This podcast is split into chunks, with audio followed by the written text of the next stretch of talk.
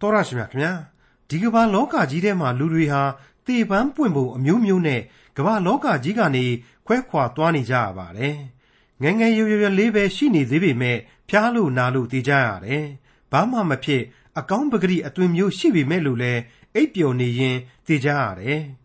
ဘာမဟုတ်တဲ့အသေးအဖွဲအနာလေးကြောင့်လဲမမျော်လင့်ပဲဆုံးမသွားကြရရှာတယ်အသက်အရွယ်ကြီးရင်အိုမင်းလို့တေးကြရသလို မိနစ်ပိုင်းလောက်ပဲကြာအောင်ချုပ်တီးမထားနိုင်တဲ့ဒေါသမီလီယံကြောင့်မရှုမလသေဆုံးကြရတဲ့သူတွေလည်းရှိကြသလိုသေဒဏ်ချမှတ်ခံကြရလို့သေကြရတဲ့သူတွေလည်းရှိကြပါတယ်။အဲ့ဒီလိုသေဆုံးသွားကြတဲ့အထက်မှာခရိယန်တွေကကယ်တင်ရှင်ဖျားဖြစ်တော်မူတယ်လို့ယုံကြည်ကိုးကွယ်ကြတဲ့သခင်ယေရှုခရစ်တော်ဟာအပြစ်ဒုစရိုက်ကျူးလွန်သူတွေကို ပြောရရင်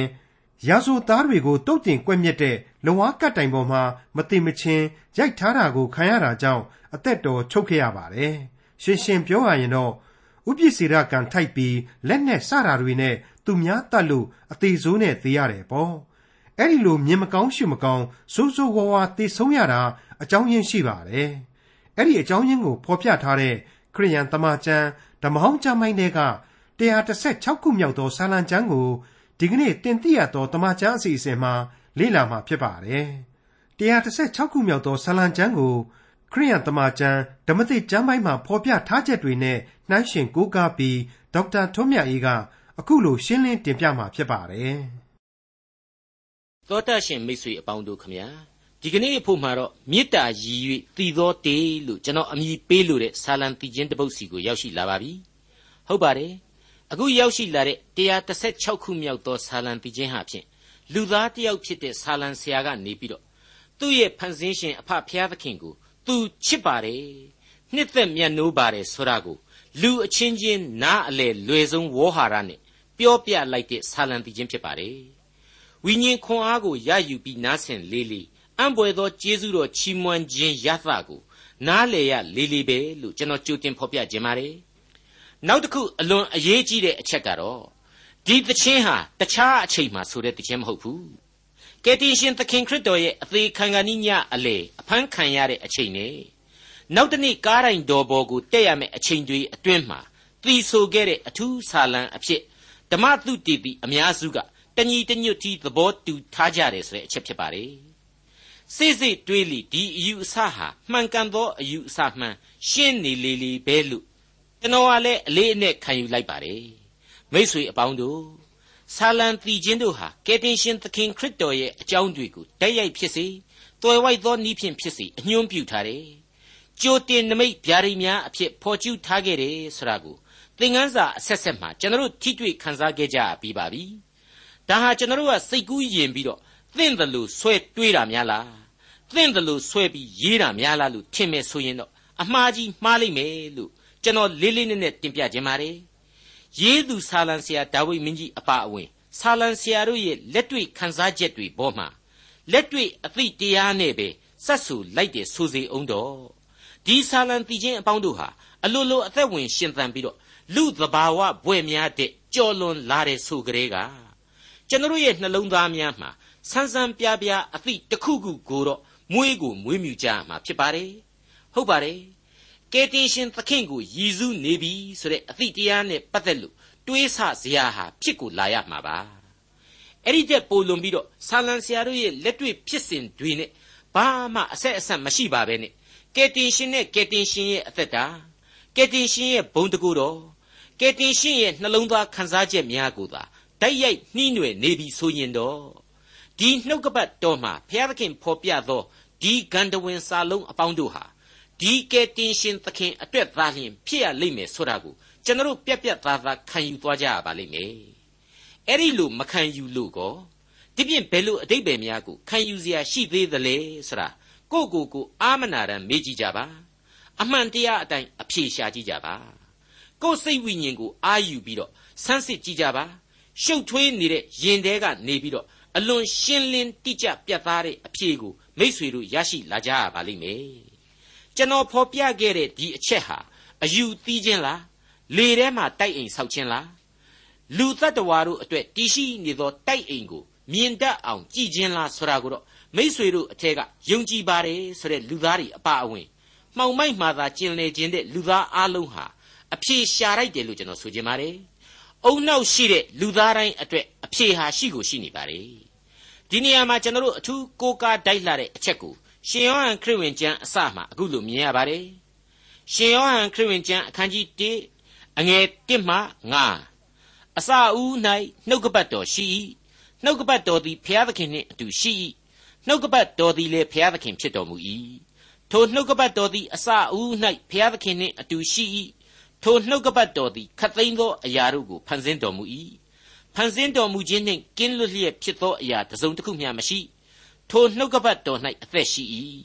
ထိုအသက်သည်လည်းလူတို့၏အလင်းဖြစ်၏ထိုအလင်းသည်မှောင်မိုက်၌လင်း၍မှောင်မိုက်သည်မခံမယူတဲ့ဒီတော့မှောင်မိုက်ကိုအလွန်တရာခုံမင်တဲ့လူသားဟာသမာတရားကိုခံယူနိုင်ဖို့မလွယ်ဘူးဆိုတာကိုအဲ့ဒီအချက်အားဖြင့်ကျွန်တော်တို့ရှင်းရှင်းကြီးနားလည်ရပြီဘယ်လိုပဲပြောပြောကျွန်တော်တို့ကိုချစ်တော်မူသောဘုရားသခင်ဟာဒီအသက်လမ်းကိုဖော်ပြရမှာသမာတရားလမ်းတပွဲအားဖြင့်သာလျှင် ကျွန်တော်တို့ကိုကယ်တင်နိုင်ပါကြောင်းနားလည်ရင်းနေဒီကယ်တင်ခြင်းတရားမှတပါအခြားကယ်တင်နိုင်သောလမ်းမရှိကြောင်းကိုယုံကြည်လက်ခံရင်ဒီကနေ့သင်ခန်းစာများကိုဆက်လက်နားဆင်ကြကြပါစို့နားညောင်းတော်မူခြင်းဆိုတဲ့အကြောင်းကိုအငယ်1ကနေ9အတွင်းမှာ136ခုမြောက်သောစာလံဟာအခုလိုဆိုဖွဲ့လိုက်ပါတယ်ထာဝရဘုရားသည်ငါတောင်းပန်ခြင်းအသံကိုကြား၍ငါဘက်သို့နားတော်ကိုလှဲ့တော်မူသောကြောင့်ငါနှစ်သက်၏ ငါအသက်ရှည်သမျှကာလပတ်လုံးထာဝရဘုရားကိုပတနာပြုမည်သေခြင်းကြိုးတို့သည်ငါကိုဝိုင်း၍မရဏနိုင်ငံဘေးတို့သည်ငါကိုဖမ်းမိသဖြင့်ဆင်းရဲဒုက္ခဝေဒနာနှင့်ငါတွေ့ကြုံရ၏ထိုအခါအိုထာဝရဘုရားအကျွန်ုပ်အသက်ကိုကယ်နှုတ်တော်မူပါမည်အကြောင်းတောင်းပန်ပါ၏ဟုထာဝရဘုရား၏နာမတော်ကိုပတနာပြု၏ထာဝရဘုရားသည်ကျေးဇူးပြုတတ်သောသဘောဖြောင့်မတ်သောသဘောရှိတော်မူ၏ငါတို့ဘုရားသခင်သည် ဂယုဏစိတ်ရှိတော်မူ၏ဒီကျမ်းကိုအင်္ဂလိပ်လိုဖော်ပြရမှာစလိုက်တာနဲ့တပြိုင်နက် I love the Lord သို့မဟုတ်ကျွန်ုပ်သခင်ကိုချစ်သည်ဆိုပြီးတော့သုံးထားပါတယ်ဆရာကြီးယူရသံကတော့ငါ့ကိုနားညောင်းတော်မူတယ်ငါ့ဘက်ကိုနားတော်ကိုလှည့်တော်မူတယ်ဒါကိုငါအလွန်နှစ်သက်တယ်သဘောကျတယ်ဆိုပြီးတော့သုံးထားပါတယ်အလွန်စီလျော်ပြည်ပြင်းတဲ့ပြန်ဆိုမှုပါဒါကိုကျွန်တော်ကတော့ I love the Lord ဆိုတဲ့ဝက်ကြကိုတက်ရိုက်ယူပြီးတော့မေတ္တာရည်၍တည်သောတေဖြစ်တယ်လို့ခေါင်းစဉ်ရွေးပေးလိုက်ရတာပါပဲကျွန်တော်စာဖတ်တတ်တဲ့လူတိုင်းဟာအရွယ်ရောက်လာပြီဆိုတာနဲ့ချစ်ချင်းမေတ္တာနဲ့နှီးနွယ်တဲ့စာပေတွေကိုဖတ်ရှုလေ့လာတတ်ပါတယ်လူတဘာဝအချစ်ဆိုတာဟာအလွန်တရာအရေးကြီးတဲ့လိုအပ်ချက်မို့လို့အချစ်မရှိတဲ့လောကအချစ်ကင်းမဲ့တဲ့အသက်တာမှာဘယ်သူမှမနေကြပါဘူးအေးအဲ့ဒီလိုချစ်ချင်းစိတ်ကိုဘယ်သူပေးထားတာလဲလေ ကဘာကြီးကိုဖန်ဆင်းခြင်းနဲ့အတူဖျားသခင်ပေးထားခဲ့ခြင်းဖြစ်တယ်သူကိုယ်တိုင်ဟာလည်းချစ်ချင်းမေတ္တာဖြစ်တော်မူ၏လို့နှုတ်ကပတ်တော်မှာပွင့်ပွင့်လင်းလင်းတင်ပြထားတယ်မဟုတ်ဘူးလားကြေညာထားတယ်မဟုတ်ဘူးလားမကြခင်ကပဲရှင်ယောဟန်ခရစ်ဝင်ကျမ်းကိုကိုးကားပြီးတော့တပည့်တော်ကြီးရှင်ပေတရုကိုရှိမုံမင်းငါ့ကိုချစ်ရလားဆိုပြီးမိခဲ့တာကိုလေအမှတ်တရပြန်လဲပြီးတော့ကျွန်တော်တင်ပြခဲ့ပါသေးတယ်ဒီကနေ့ကိုကိုကိုကျွန်တော်တို့ပြန်ပြီးမေးရမှာကတော့ ကိုဟာအသွေးအသားရမက်နဲ့ပူလောင်တဲ့အချစ်တွေဘဝတဏှာဆိုတဲ့လောကအစွဲအလန်းတွေနဲ့သာတန်တရားလဲနေပြီးတော့ကိုကိုဖန်ဆင်းပိုင်သတော်မူတဲ့သခင်အပေါ်မှာမချစ်နိုင်ပဲများဖြစ်နေကြသလားဆိုတဲ့မိကွန်းပါပဲမိษွေတော်တတ်ရှင်အပေါင်းတို့ခမညာရှင်ယောဟန်ဩဝါဒစာပထမစာဆောင်အခန်းကြီး၄ရဲ့ဏိဂုံးအငယ်၁၈ကနေအဆုံးအထိပြန်ဖတ်ကြည့်မယ်ဆိုရင်ဘုရားသခင်ကိုချစ်လို့သူတို့အတွက် အလွန်ကောင်းတဲ့လမ်းညွှန်ဩဝါဒတစ်ခုကိုအခုလိုတွေ့မြင်ရမှာဖြစ်ပါတယ်ချစ်ချင်းမေတ္တာသည်ကြောက်ချင်းတန်ဝေကနှင့်မပေါင်းနိုင်ရာတန်ဝေကသည်ပူပန်ခြင်းဝေဒနာကိုဖြစ်စေသောကြောင့်စုံလင်သောမေတ္တာသည်တန်ဝေကကိုပယ်ရှားတတ်၏တန်ဝေကရှိသောသူသည်မေတ္တာနှင့်မပြည့်စုံသေးဖျားသခင်သည်ငါတို့ကိုရှေးဥစွာချစ်တော်မူသောကြောင့်ငါတို့သည်ဖျားသခင်ကိုချစ်ကြ၏တစုံတယောက်သောသူကငါသည်ဖျားသခင်ကိုချစ်၏ဟုဆိုလျက်ပင် မိမိညီအကိုကိုမုန်းလျင်ထိုသူသည်မှုသာကိုသုံးသောသူဖြစ်၏မိမိမြင်ရသောမိမိညီအကိုကိုမချစ်လျင်မမြင်သေးသောဘုရားသခင်ကိုအဘယ်သို့ချစ်နိုင်မည်နည်းဘုရားသခင်ကိုချစ်သောသူသည်မိမိညီအကိုကိုချစ်ရမည်ဟုသောပြည့်ညတ်တော်ကိုငါတို့သည်ခရစ်တော်ထံ၌ခံရကြပြီတဲ့ဘလောက်ကောင်းတယ်လေကျွန်တော်ဟာလူသားတို့ပြီးပြီးကျွန်တော်စောစောကပြောခဲ့တဲ့ဘဝတဏှာဆိုတာကိုမစွန့်ပယ်နိုင်ကြပါဘူး ဒီနေရာမှာတဏှာဆိုတာဟာစွဲလန်းခြင်းအလုံးစုံကိုခြုံငုံပြီးပြောတာပါနော်အဲ့ဒီလောက်ပူလောင်တဲ့အစွဲအလန်းတွေဟာရုပ်တရက်ပေါ်မှာအခြေခံတဲ့အစွဲတွေဖြစ်နေတော့ဝိညာဉ်အားဖြင့်သာမြင်ရတဲ့သခင်ကိုချစ်နိုင်အားအလွန်လျော့နေသွားရကြတယ်ဒါပေမဲ့အဲ့ဒီလိုရုပ်မျက်စိနဲ့မမြင်ရတဲ့သခင်ကိုချစ်ရခြင်းဟာဘလောက်အထိအရေးကြီးတဲ့အကျိုးကိုဖြစ်စေတယ်ဆိုတာကိုကနဦးအသင်းတော်တို့ကိုရည်စူးပြီးတော့ရှင်ပေတရုကနေပြီးတော့ သူ့ရဲ့ဩဝါဒစာအခန်းကြီး1အငယ်8နဲ့9မှာအခုလိုဆိုဖွဲ့ထားပါတယ်ဩဝါဒပြုထားပါတယ်ထိုသခင်ကိုသင်တို့သည်မမြင်ဘူးတော့လဲချစ်ကြ၏ယခုမှလည်းမမြင်ဘဲလျက်ယုံကြည်သောအဖြစ်ဘုံအသရေနှင့်ဆက်ဆိုင်သောပြော၍မမိနိုင်သောရှင်လန်းခြင်းစိတ်နှင့်ဝမ်းမြောက်ကြသည်ဖြစ်၍စိတ်ဝိညာဉ်ကိုကယ်တင်ခြင်းဒီဟုသောယုံကြည်ခြင်း၏အကျိုးကိုခံရကြ၏တဲ့ဟုတ်ပါတယ် ပြော၍မမိနိုင်သောရှင်လန်းခြင်းစိတ်နှင့်ဝမ်းမြောက်ခြင်းတဲ့တို့ရီမဟုတ်လူတို့ကြံစီ၍မမိနိုင်သောငြိမ်သက်ခြင်းနဲ့ဝမ်းမြောက်ခြင်းတဲ့ဒါဟာဘုရားသခင်ကိုချစ်သူတို့ခံစားရဆုကျေးဇူးများပဲဖြစ်ပါတယ်အဲ့ဒါဟာဘုရားသခင်ပေးတဲ့လက်ငင်းကျေးဇူးတော်ဖြစ်တယ်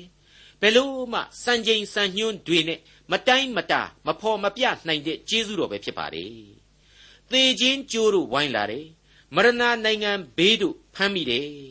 ဒါကြောင့်မလို့ဆင်းရဲဒုက္ခဝေဒနာနဲ့ငါကြုံရတယ်ဆရာဟာသေသေးချာစဉ်းစားကြည့်လိုက်ရင်ခရစ်တော်ရဲ့လောကလူဘဝတာဝန်ရဲ့နောက်ဆုံးသောအချိန်ကာလပုံရိပ်တွေပဲဖြစ်ပါတယ်သူဟာဖြင့်လူစားတိကိုခံယူပြီးတော့အသေးခံရတော့မယ်ဆိုတာကိုသူ့ဟာသူသိနေပြီဆိုတာရှင်းမနေဘူးလားအဲ့ဒီလိုသူအသေးခံရတော့မယ်ဆိုတာကိုနောက်ဆုံးနေ့မှာအသာထားဒီမတိုင်ခင်ကလေးကလေကြိုပြီးတော့သူပြောခဲ့သေးတယ်အဲ့ဒီတုန်းကဆိုရင်တပည့်တော်ကြီးရှင်ပေတရုဟာ သခင်သေရမယ်ဆိုတာကိုနားထဲမှာအရှင်းမကြားခြင်းဘူးမခံနိုင်ဘူးဒါကြောင့်မလို့သခင်ခရစ်တော်ကိုအသာလေးလက်ကုပ်ခေါ်တဲ့သဘောမျိုးလေးလှုပ်ခေါ်သွားပြီးတော့သခင်ကလည်းဗျာအဲ့ဒီလိုပောက်ကြရတွေရှောက်မပြောပါနဲ့နမိတ်မရှိနမာမရှိကြီးတွေကိုမပြောနေပါနဲ့မဖြစ်နိုင်ပါဘူးဆိုပြီးတော့လူသားတယောက်ရဲ့ခံစားချက်နဲ့တားမြစ်ခဲ့ဘူးပါတယ်သခင်ခရစ်တော်ဟာအဲ့ဒီအချိန်မှာရှင်ပေတရုပါဇက်ကနေပြီးတော့စာရမဏတ်ပူကပ်ပြီးပြောတယ်ဆိုတာကိုသိတဲ့အတွက်ကြောင့်အချင်းရန်သူ ငါနောက်သို့ဆုတ်လောဆိုပြီးတော့ပြောခဲ့ရတယ်ဆိုတာကိုရှင်မသက်ခရစ်ဝင်ကျမ်းအခန်းကြီး16တုန်းကကျွန်တော်ဖော်ပြခဲ့ပြီးပါပြီမိတ်ဆွေအပေါင်းတို့ခရစ်တော်အခုလိုခံယူတဲ့သေခြင်းနဲ့ဝေဒနာဆရာဟာကျွန်တော်လူလောကရန်ကိုယူတင်ဝတ်ဆောင်လိုက်တာပါပဲလူလောကရန်အပြစ်သမိုင်းတစ်ခုလုံးကအပြစ်ကြွေးတွေကိုသူ့ရဲ့ခန္ဓာကိုယ်ပေါ်မှာဆောင်ယူလိုက်တာပါပဲ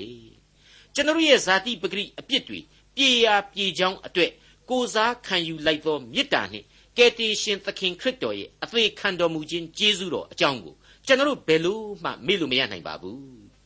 အဲ့ဒီလိုအသေးခံယူရမှာကိုသိတယ်လို့အကျွန်ုပ်အသက်ကိုကယ်နှုတ်တော်မူပါဆိုတဲ့ဆာလံတဲကဖော်ပြချက်ဟာခရစ်တော်ကကြောက်လို့အသနာခံခြင်းအရှင်းမဟုတ်ပါဘူးလူသားတို့အတွက်ထာဝရအသက်ကိုပေးစွန်းဖို့ရန်အတွက်အသေးခံတော်မူခြင်းနဲ့အတူတူရှင်ပြန်ထမြောက်ဖို့လိုအပ်တယ်ဆိုတဲ့အချက်ကိုသိသာစေလိုက်တယ်လို့ ကျွန်တော်နားလည်စေပါတယ်အခုအချိန်မှာတော့ကယ်ယူတော်မူဆိုတဲ့ခေါင်းစဉ်နဲ့လေ့လာပို့ရန်အတွက်136ခုမြောက်သောဆာလံအငယ်6မှ9အထိကိုဆက်လက်နားဆင်ကြကြပါထာဝရဘုရားသည် မလိမ္မာသောသူတို့ကိုစောင့်မတော်မူ၏ငါသည်နှိမ့်ချလျက်ရှိသောအခါကဲတင်တော်မူ၏အိုငါဝိညာဉ်သင်ဤငြိမ်ဝတ်ရာသို့ပြန်လော့ထာဝရဘုရားသည်သင်၌ကျေးဇူးပြုတော်မူပြီ ကိုတော်သည်အကျွန်ုပ်အသက်ကိုသေခြင်းမှ၎င်းအကျွန်ုပ်မျက်စိကိုမျက်ရည်ကျခြင်းမှ၎င်းအကျွန်ုပ်ခြေကိုလည်းထိမိ၍လဲခြင်းမှ၎င်းကယ်လွတ်တော်မူပြီတို့ဖြစ်၍အသက်ရှင်သောသူတို့၏နေရာတွင်ထာဝရဘုရားရှေ့တော်၌ငါကျင့်၍နေရ၏မိတ်ဆွေတော်တတ်ရှင်အပေါင်းတို့ခမညာ22ခုမြောက်သောဆာလံသင်ခန်းစာတွေတုန်းကဆိုရင်ကျွန်တော်ဟာခရစ်တော်ရဲ့အသေးခံတော်မူစေကာလဒုက္ခဝေဒနာတွေဟာ တကယ်လူပီပီခံယူခဲ့ရခြင်းဖြစ်တယ်ဆိုတဲ့အကြောင်းကိုအလေးအနက်တင်ပြခဲ့ပြီးဖြစ်ပါတယ်အဲ့ဒီကြံသင်ခန်းစာတွေတုန်းကတိအဖရဲ့စွန့်ပစ်ခံရခြင်းနှစ်အသရေရုပ်လျော့ပြီးတော့ပိုးလောက်လန်းများလို့အလွန်အလွန်အနှိမ့်ချခံခဲ့ရတဲ့ဆိုတဲ့အဖြစ်သုံးရင်နှင့်အမျှမချိမဆန့်နာကျင်ခြင်းဝေဒနာကိုခံစားရခြင်းလေးအဝတ်အစားကိုတောင်မှချွတ်ခဲ့ရပြီးတော့ ကိုတုံးလုံးနီးပါးဖြစ်ခဲ့ရခြင်းဆရာတွေဟာတကယ်အဖြစ်အပျက်တွေပဲလူဇာတိပဂရိရဲ့လောကရဲ့အပြစ်ကြွေးတွေကိုပေါင်းယုံပြီးတော့အမှန်ခံစားပြခဲ့ခြင်းဖြစ်တယ်ဒါတွေဟာဟန်ပြသဘောမျိုးမဟုတ်ခဲ့ဘူးဆိုတာဒီကိုရှင်းလင်းနေအောင်ကျွန်တော်အတတ်နိုင်ဆုံးဖော်ပြခဲ့ပြီးပါပြီမိษွေတော်တတ်ရှင်အပေါင်းတို့ဇာတိပဂရိနဲ့လူဖြစ်နေရတဲ့ကျွန်တော်တို့အဖို့ဒီသခင်ရဲ့ကယ်တင်ရှင်ကျေးဇူးဆိုတာကိုသာရင်ဝယ်ပိုက်မထားနိုင်ရင် ဒီသခင်ပေးတဲ့သာဝရအသက်လမ်းကိုမလိုက်လျှောက်နိုင်ဘူးဆိုရင်ကျွန်တော်တို့တခြားဘယ်လမ်းတွေကိုလိုက်လျှောက်ကြမှာလဲဒါဟာဒီကနေ့အလေးအနက်သုံးသပ်ပြီးတော့ဆုံးဖြတ်ရန်အချိန်ပဲလို့ကျွန်တော်ပြောချင်ပါတယ်136ခုမြောက်သောဇာလံအငယ်30မှ33ငါသည်အလွန်ညှိုးငယ်ခြင်းကိုခံရ၏ဟုမွဲ့ဆိုတော်လေယုံကြည်သောစိတ်ရှိသေး၏လူအပေါင်းတို့သည်မှုသာကိုသုံးတတ်ကြ၏ဟုသတိလစ်လျက်ပြောမိ၏ ငါ၌ထာဝရဘုရားပြုတော်မူသောကျေးဇူးအလုံးစုံတို့ကိုအဘယ်သို့ဆက်ရမည်နည်းကဲတင်ခြင်းခွက်ဖလားကိုကင်ယူ၍ထာဝရဘုရား၏နာမတော်ကိုပတနာပြုမည်ဟောပြောခဲ့တဲ့အတိုင်းပါပဲအိုးထာဝရဘုရားအိုးထာဝရဘုရားအကျွန်ုပ်ကိုအဘယ်ကြောင့်စွန့်ပစ်တော်မူရပါသနည်းဆိုတဲ့အချက်ဟေပြဲဘာသာစကားအဖြစ်ဆိုရင်တော့အေလီအေလီလာမာရှာဘခသာနီဆိုတဲ့နှုတ်တော်ကထွက်ခဲ့တဲ့အချက်ဟာ တကယ်အခိုင်အမာမှတ်တမ်းပြုခဲ့ရတဲ့ခရစ်တော်ရဲ့မချိမဆန့်ခံစားရခြင်းကိုသက်သေခံနေပါတယ်။ယဉ်နှင်းပွဲကောင်းလောက်တဲ့သက်စွန့်ခြင်းဝေဒနာဟာအပြစ်လုံးဝကင်းတဲ့လူသားကမ္ဘာသမိုင်းမှာတန်ရှင်းသောဝိညာဉ်တော်အဖြစ်အပြိုကညာကလေးရဲ့ဝန်းကနေဖြစ်ပွားလာရတဲ့တူရီသောလူသားနဲ့ဘာဆိုင်တယ်လေဘာမှမဆိုင်ဘူးအကြီးအကျယ်မတန်တဆကြီးလေးခဲ့ရတယ်မဟုတ်ဘူးလားအတိတ်သမိုင်းကအာဗြဟံမောရှေ ဒါဝိဒ်စတဲ့ပုဂ္ဂိုလ်တွေဆိုရင်တောင်းမှအင်မတန်ငြိမ်ဝတ်စွာနဲ့ခေါ်တော်မူခြင်းကိုခံခဲ့ကြရပါသေးတယ်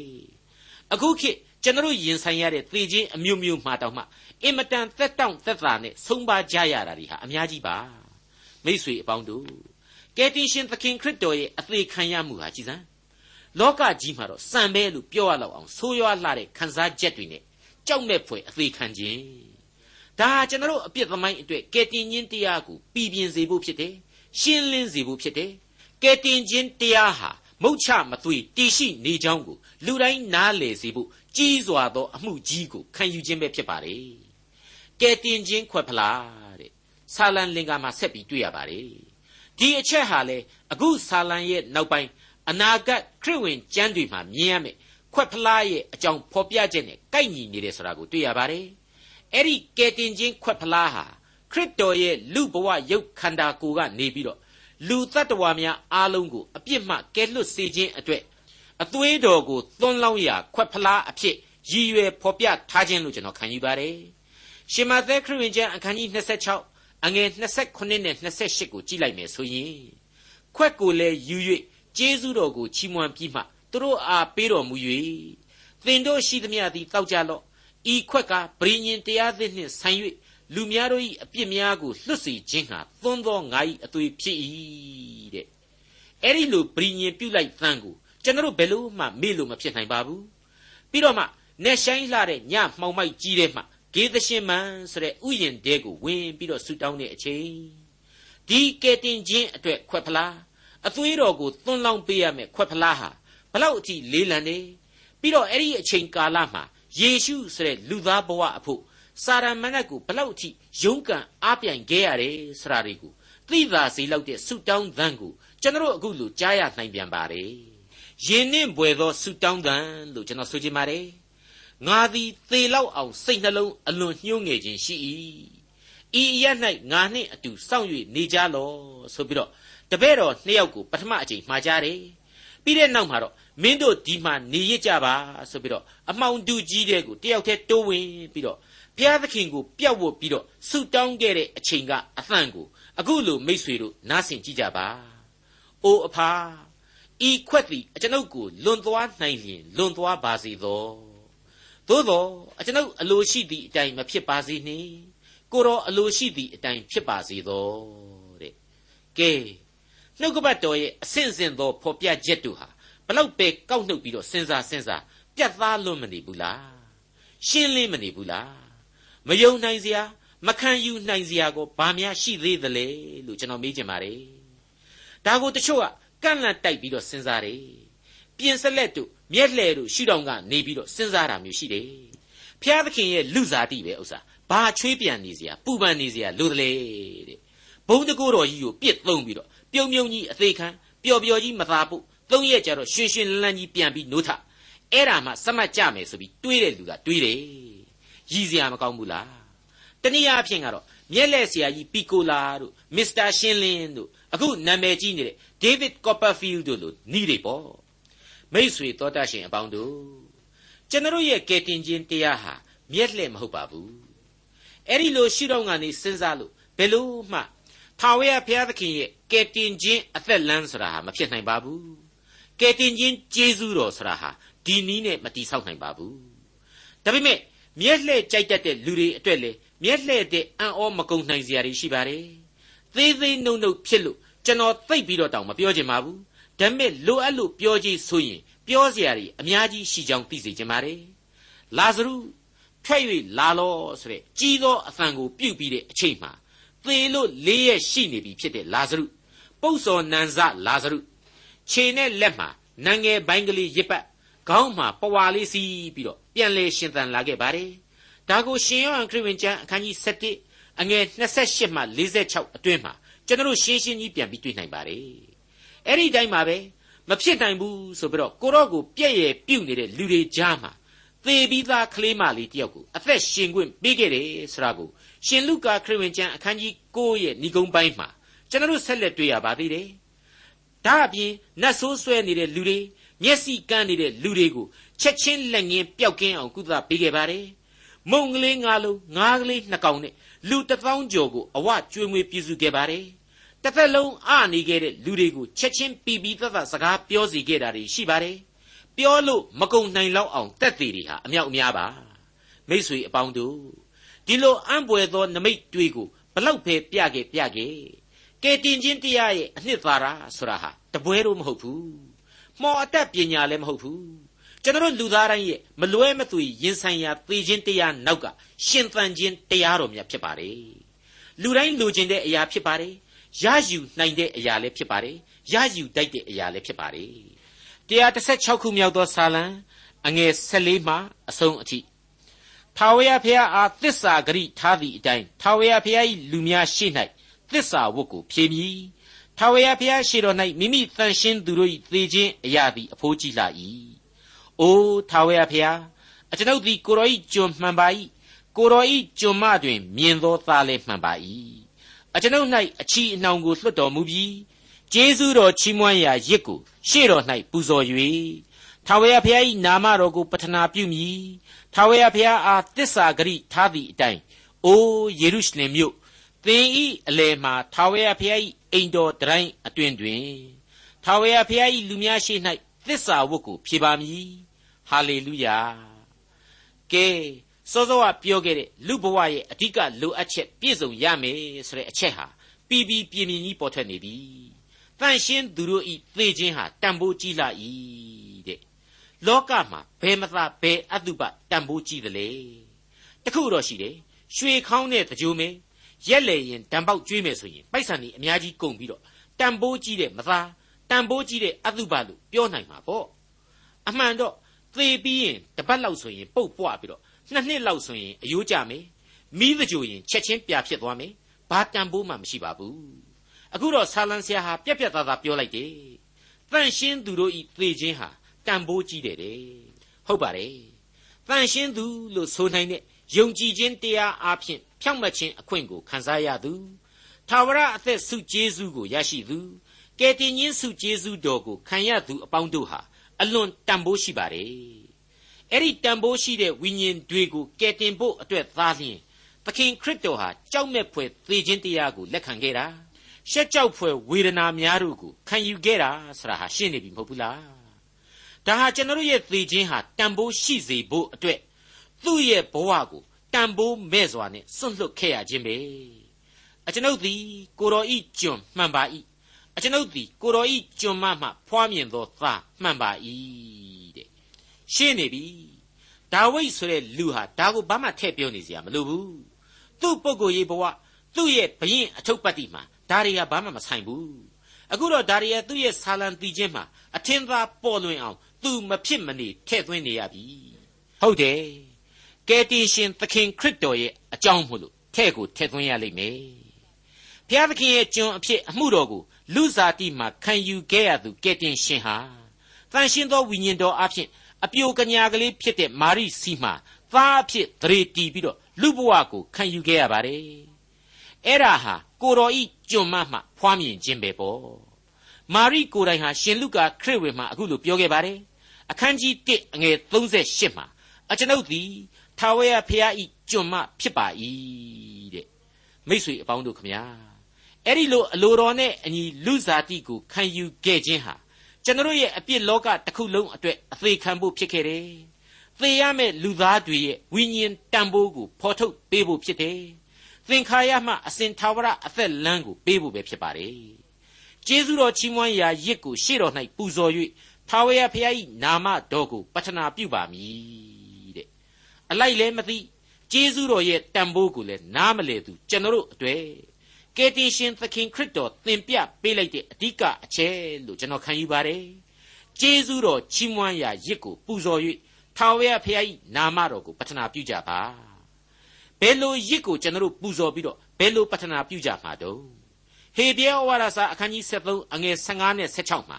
ထို့ကြောင့်ငါတို့သည်ဘုရားသခင်၏ကျေးဇူးတော်ကိုဝန်ခံလျက်နှုတ်ခမ်းအသီးဒီဟုသောချီးမွမ်းခြင်းရစ်ကိုသခင်ယေရှုခရစ်အားဖြင့်ဘုရားသခင်ရှေ့တော်၌ အစဉ်ပူဇော်ကြကုန်အံ့ကျေးဇူးပြုခြင်းဥစ္စာဝေခြင်းအမှုတို့ကိုမမေ့မလျော့ကြနှင့်ထိုသို့သောရစ်ကိုဘုရားသခင်သည်အာရနှစ်သက်တော်မူ၏တဲ့အမှန်တော့သိခက်ခက်ခဲခဲကြီးစဉ်းစားနေเสียမလိုပါဘူးခေါင်းတပြင်းပြင်းကုတ်ပြီးတော့တွေးเสียအကြောင်းလည်းမရှိပါဘူးကျေးဇူးတော်ကိုဝန်ခံခရစ်တော်ရဲ့နာမတော်ကိုအမိပြုပြီးတော့ဆုတောင်းသောအသက်တာအပြစ်လောကရဲ့ပတ်ဝန်းကျင်ကိုကိုယ်အသက်တာမှတဆင့် ကျေးဇူးတော်ဝေမျှတတ်တဲ့လူတစ်ယောက်ရဲ့ဘဝတစ်ခုဟာပြေဝစုံလင်ခြင်းရှိသောအသက်တာအမှန်ဖြစ်ရလိမ့်မယ်လို့ဆိုလိုက်တာနဲ့အတူတူပါပဲခင်ဗျာဒေါက်တာထွန်းမြတ်ရေးစီစဉ်တင်ဆက်တဲ့တင်ပြတော်တမချန်းအစီအစဉ်ဖြစ်ပါတယ်နောက်တစ်ချိန်အစီအစဉ်မှာခရိယန်တမချန်းဓမ္မဟောင်းကျမ်းပိုင်းမှာပါရှိတဲ့138ခုမြောက်သောစာလံကျမ်းကိုလေ့လာမှဖြစ်တဲ့အတွက်စောင့်မျှော်နားဆင်နိုင်ပါတယ်။